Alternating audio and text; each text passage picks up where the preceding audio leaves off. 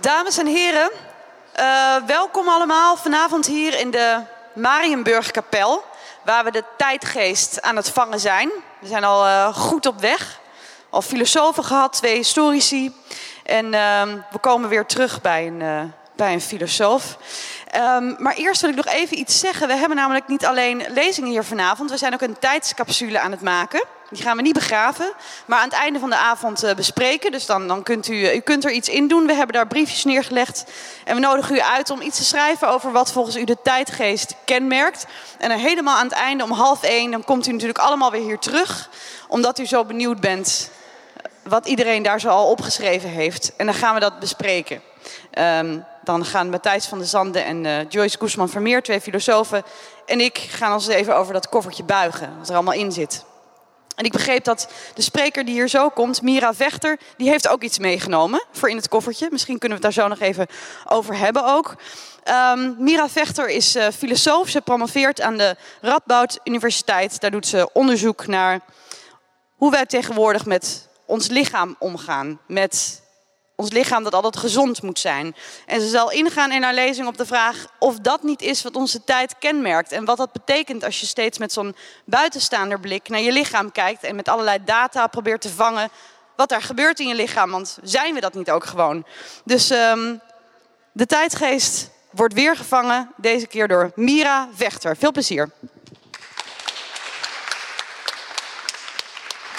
Hallo. Staat hij aan? Ja. Ik zie jullie niet, maar jullie mij wel. Ik gebruik het maar in mijn voordeel. um, ik ga gelijk beginnen. Um, nou ja, toen ik deze vraag kreeg over de tijdsgeest, dan moet je natuurlijk beginnen met ja, wat de tijd dan nu kenmerkt.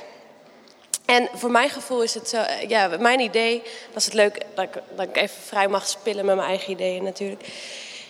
Alles wordt gezien, of liever alles wordt geregistreerd. Dat vind ik kenmerkend. Um, alles wordt gefilmd, gefotografeerd en gemeten. En, uh, en we delen dat ook allemaal met elkaar hè, op Instagram en zo. Ik, als je, ja, moet je nagaan hoeveel kopjes koffie er op Instagram staan bijvoorbeeld. Dat is echt zo. Met die soort van vergrootglas kijken wij naar elkaar. En uh, ja, ook, ook bijvoorbeeld, uh, misschien heb je wel vrienden die hardlopen en die delen dan op Facebook dat ze weer vijf kilometer hard hebben gelopen. Dat soort dingen kun je allemaal van elkaar zien. En wat me dus opvalt, is dat we op diezelfde manier ook naar onszelf gaan, gaan kijken. En we kijken ook zo naar onze gezondheid, alsof we alles kunnen registreren. En um, helemaal vanuit mijn onderzoek, dan volg ik wat er allemaal gebeurt in de biomedische wetenschappen. En dan zie ik dat ons lichaam steeds transparanter wordt gemaakt. En door al die zaken te meten. Uh, bovenop zijn we vanaf de weegschaal bijvoorbeeld ook gegaan naar apps waarbij je je menstruatiecyclus kan meten. Of apps waarbij je je slaapritme meet. Ga zo maar door. En dat is allemaal een soort, ligt aan het grondslag dat we dat dan kunnen controleren. Hè? En dat dat een soort van maakbaarheidsideaal brengt. Nou, ik ga jullie in deze lezing dan vertellen over dat lichaam. En mijn overtuiging is eigenlijk dat het heel moeilijk te temmen valt. En dat dat helemaal niet zo erg is, omdat het ook heel betekenisvol kan zijn dat we daar een beetje strijd mee voeren. Uh, dat betekent niet dat we al die technologie moeten verwerpen, maar misschien kunnen we hem anders inzetten. Dat is eigenlijk de vraag waar ik me ook mee bezig hou in mijn werk. Goed, we gaan het eens eventjes hebben over die data. Uh, dat kunnen biomarker data zijn, maar het kan ook zijn hoe vaak je uh, vandaag hebt geplast. Het kan van alles zijn. En, um, maar het lijkt wel alsof die data een soort van echte waarheid met zich meedragen. Alsof we, alsof in die data iets zien over onszelf wat we nog niet wisten, wat we nog niet voelden. En um, ja, dat is het eigenlijk heel gekke. Dat is het perspectief van een buitenstaander, zoals ook Lisa al eventjes zei. Daar ga ik ook, ook in. Het hoort ook bij de wetenschap, hè? Om, om te kijken van, om, objectief te zijn, om als, als een buitenstaander naar hetgene wat je bestudeert te kijken. En dat, dat is heel mooi, want het stelt ons ook in staat om uh, zaken aan ons lichaam uit te drukken in termen van nummers. En het is daardoor kwantificeerbaar en leesbaar. En dat lijkt heel ideaal, want gezondheid is daarmee een zaak van controleerbare variabelen. Maar wij, wij zijn geen buitenstaanders. Wij zitten eigenlijk vast in dat lichaam. En ehm, ja, uh, dat lichaam is niet alleen een huisje, maar dat is ook soms een gevangenis. We zitten nou eenmaal gekleefd daaraan vast. En dan is die wetenschappelijke medische logica helemaal niet meer zo logisch. En mijn vraag is dan ook, moeten we dan niet die directe ervaring gebruiken om onszelf ook te informeren? Nou, eerst eens eventjes over die grenzen van ons lichaam. Die vind ik eigenlijk heel erg interessant. Want um, ik, ja, misschien is dat ook jullie ervaring wel, maar ik ervaar mijn lichaam ook vaak als begrensd. Als ik hierheen fiets of als ik een stuk moet hardlopen of als ik de trap op ga, ik voel dat ik, ja, er een limiet zit aan wat ik kan in alles wat ik fysiek doe, maar ook in wat ik zie of wat ik hoor. En bijvoorbeeld als ik een avondje veel drink, heb ik ook een kater de volgende dag. Heel erg, helemaal nu ik bijna 30 ben. Dus daarmee zit er dus elke keer een limiet aan wat we aan kunnen. Ook een nieuwe taal leren. Dan zit er, ik heb een Vietnamese collega bijvoorbeeld en die leert mij wel eens woorden uit het Vietnamees. Maar ik kan fysiek niet eens uh, die klanken uitbrengen. Dus er zit eigenlijk, ja, heel vaak frustreert dat ook een beetje. Maar we cultiveren deze grenzen van ons lichaam ook. En dat is heel leuk om hier in de kunstnacht te zijn. Want dat is eigenlijk bij uitstek wat je ook doet met bijvoorbeeld mooi kunnen schilderen of goed kunnen zingen. Dan, dat, dat, dat is juist zo knap, omdat dat kan met ons met een lichaam. En dat doen we natuurlijk ook met atleten. En daarom zijn we ook zo obsessief bezig met zijn ze, gebruiken ze doping. Want het moet wel op een natuurlijke manier gaan. Juist binnen die grenzen van wat wij kunnen met ons lijf.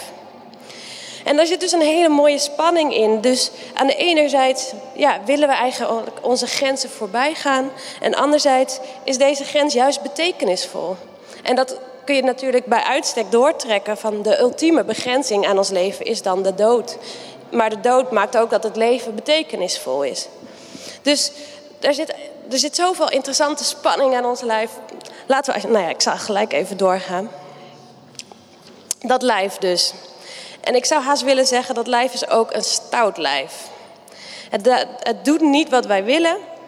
En um, en dan ga ik jullie eventjes eh, meenemen naar een artikel wat deze week in de Groene Amsterdammer stond.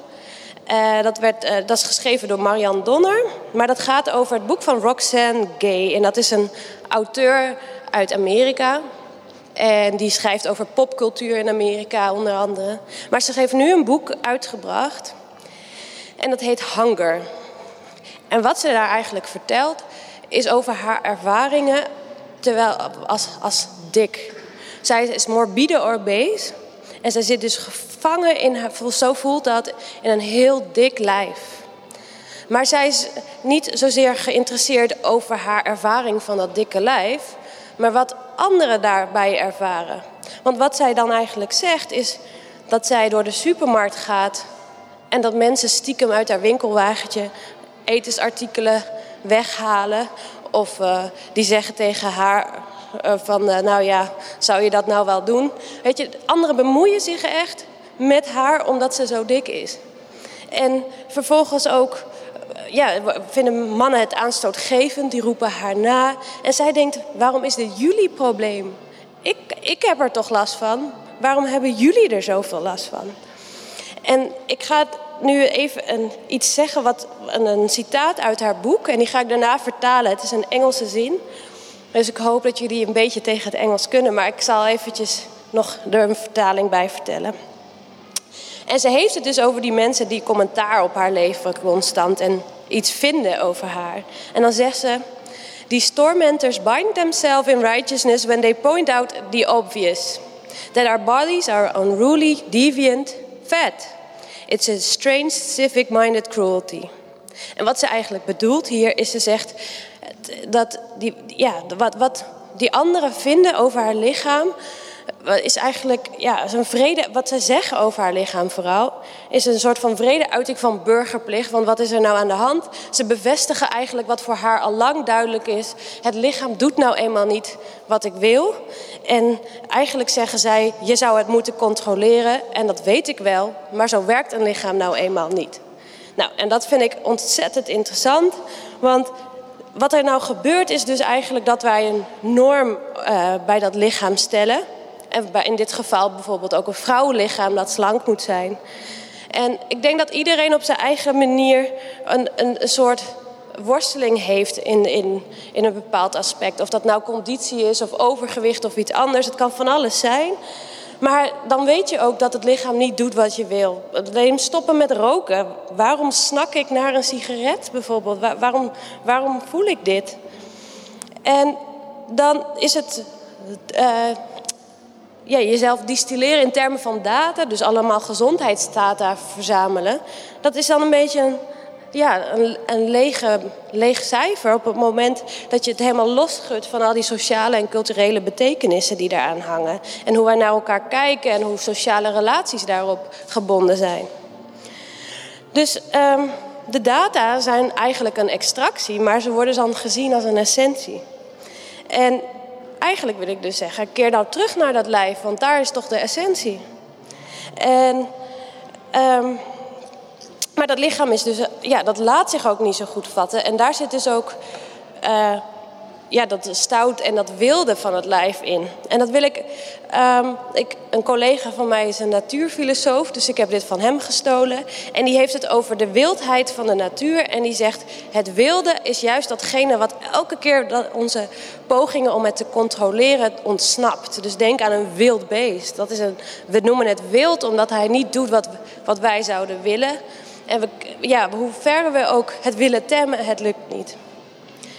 Dus op die manier kun je zeggen, ja, uh,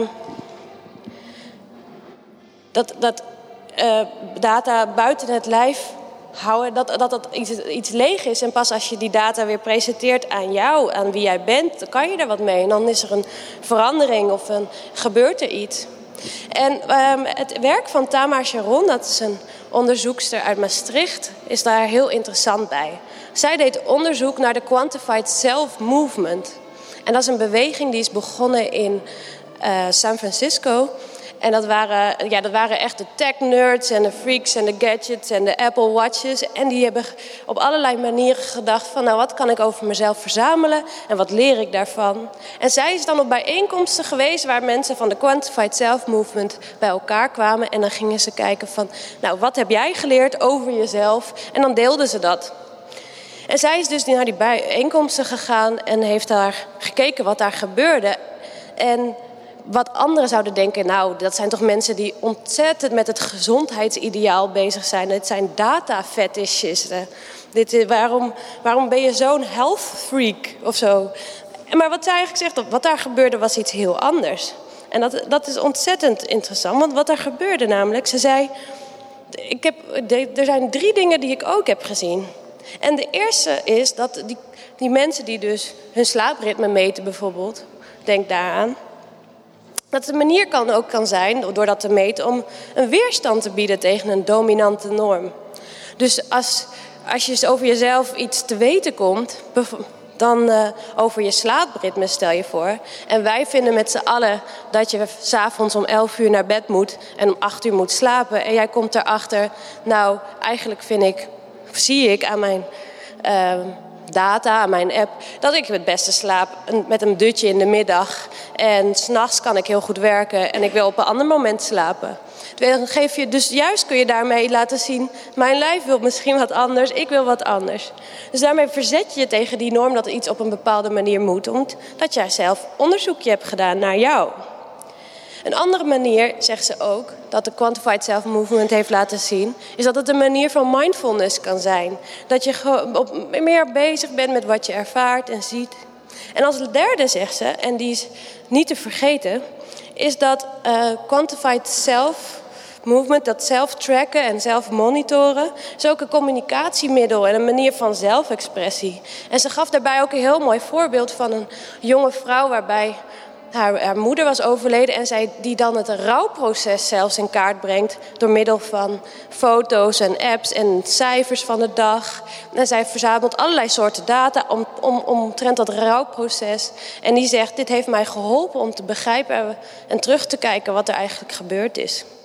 Dus alleen maar te zeggen dat alles wat we aan ons lijf en aan onszelf kunnen meten slecht is, dat, is, dat zou echt een, uh, heel erg zonde zijn in dit geval. Eerlijk, eerder wil ik terug naar het idee dat het lijf op heel veel dimensies te meten valt en heel veel dimensies dingen aan ervaren te zijn. En ja, dat je dus aan die data alleen iets hebt om door weer, als je wanneer je weer terugkijkt en terugkeert naar deze fysieke wereld en naar ons lijf terugkijkt. Uh, ons lichaam als laatste wil ik nog zeggen is ook de voorwaarde voor identiteit, voor wie wij zijn. Ik kan niet uit dit lichaam stappen. Dus daar, daar begint het. En dan is gezond zijn niet het enige ideaal. Daar wil ik, uh, wil ik afsluiten. Dank jullie wel.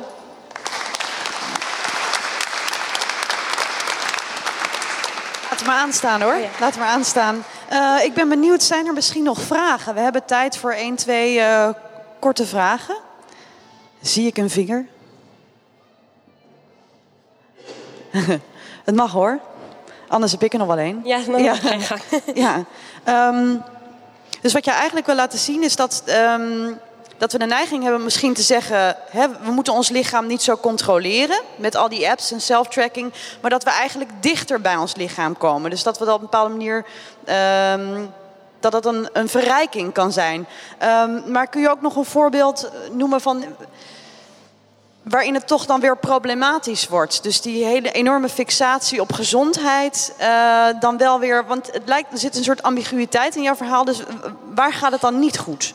Nou, goede vraag. Het, het, zit hem vooral in het idee dat het controleerbaar is. Het, maakbare eraan. Dus het kan misschien iets toegeven, toe, toevoegen aan jouw perceptie van jouw lichaam. Maar waar het vaak spaak loopt, is dat we denken dat als iets meetbaar is, dat we daardoor ook alles kunnen controleren. En, ik, eh, en in dit geval is het juist oncontroleerbaar in heel veel gevallen. Ja. Maar die apps kunnen je dan helpen om om te gaan met die oncontroleerbaarheid van je eigen lichaam. En dan dus juist weer dichterbij komen. Meer in tune ermee. Oké. Okay. Nou ja, de, de, de voornaamste boodschap is eigenlijk dat je dus dat lichaam niet voor lief neemt in, in, in wanneer je dit, uh, een, een app treft. Vind je het fijn als je je beperkingen merkt zo af en toe? Geeft dat misschien ook kracht als je daar dan weer iets aan probeert te doen? Die... Ja, nou ja, ik denk dat als je ondanks een beperking toch iets gedaan krijgt, is natuurlijk een extra gevoel van succes. Dus ja, dat is wel van meerwaarde dan. Ja. ja. Iets om mee te nemen de tijd in, de avond in. Uh, bedankt uh, Nira Vechter dat je hier was en u ook. En over een minuutje of vijf uh, gaan we alweer door met de volgende spreker. Historicus Lennart Savenijen, die niet alleen de tijdgeest gaat vangen, maar vooral ook de geest van deze stad. Hij gaat het hebben over de Waalbrug. Misschien tot zo en anders fijne avond. Dank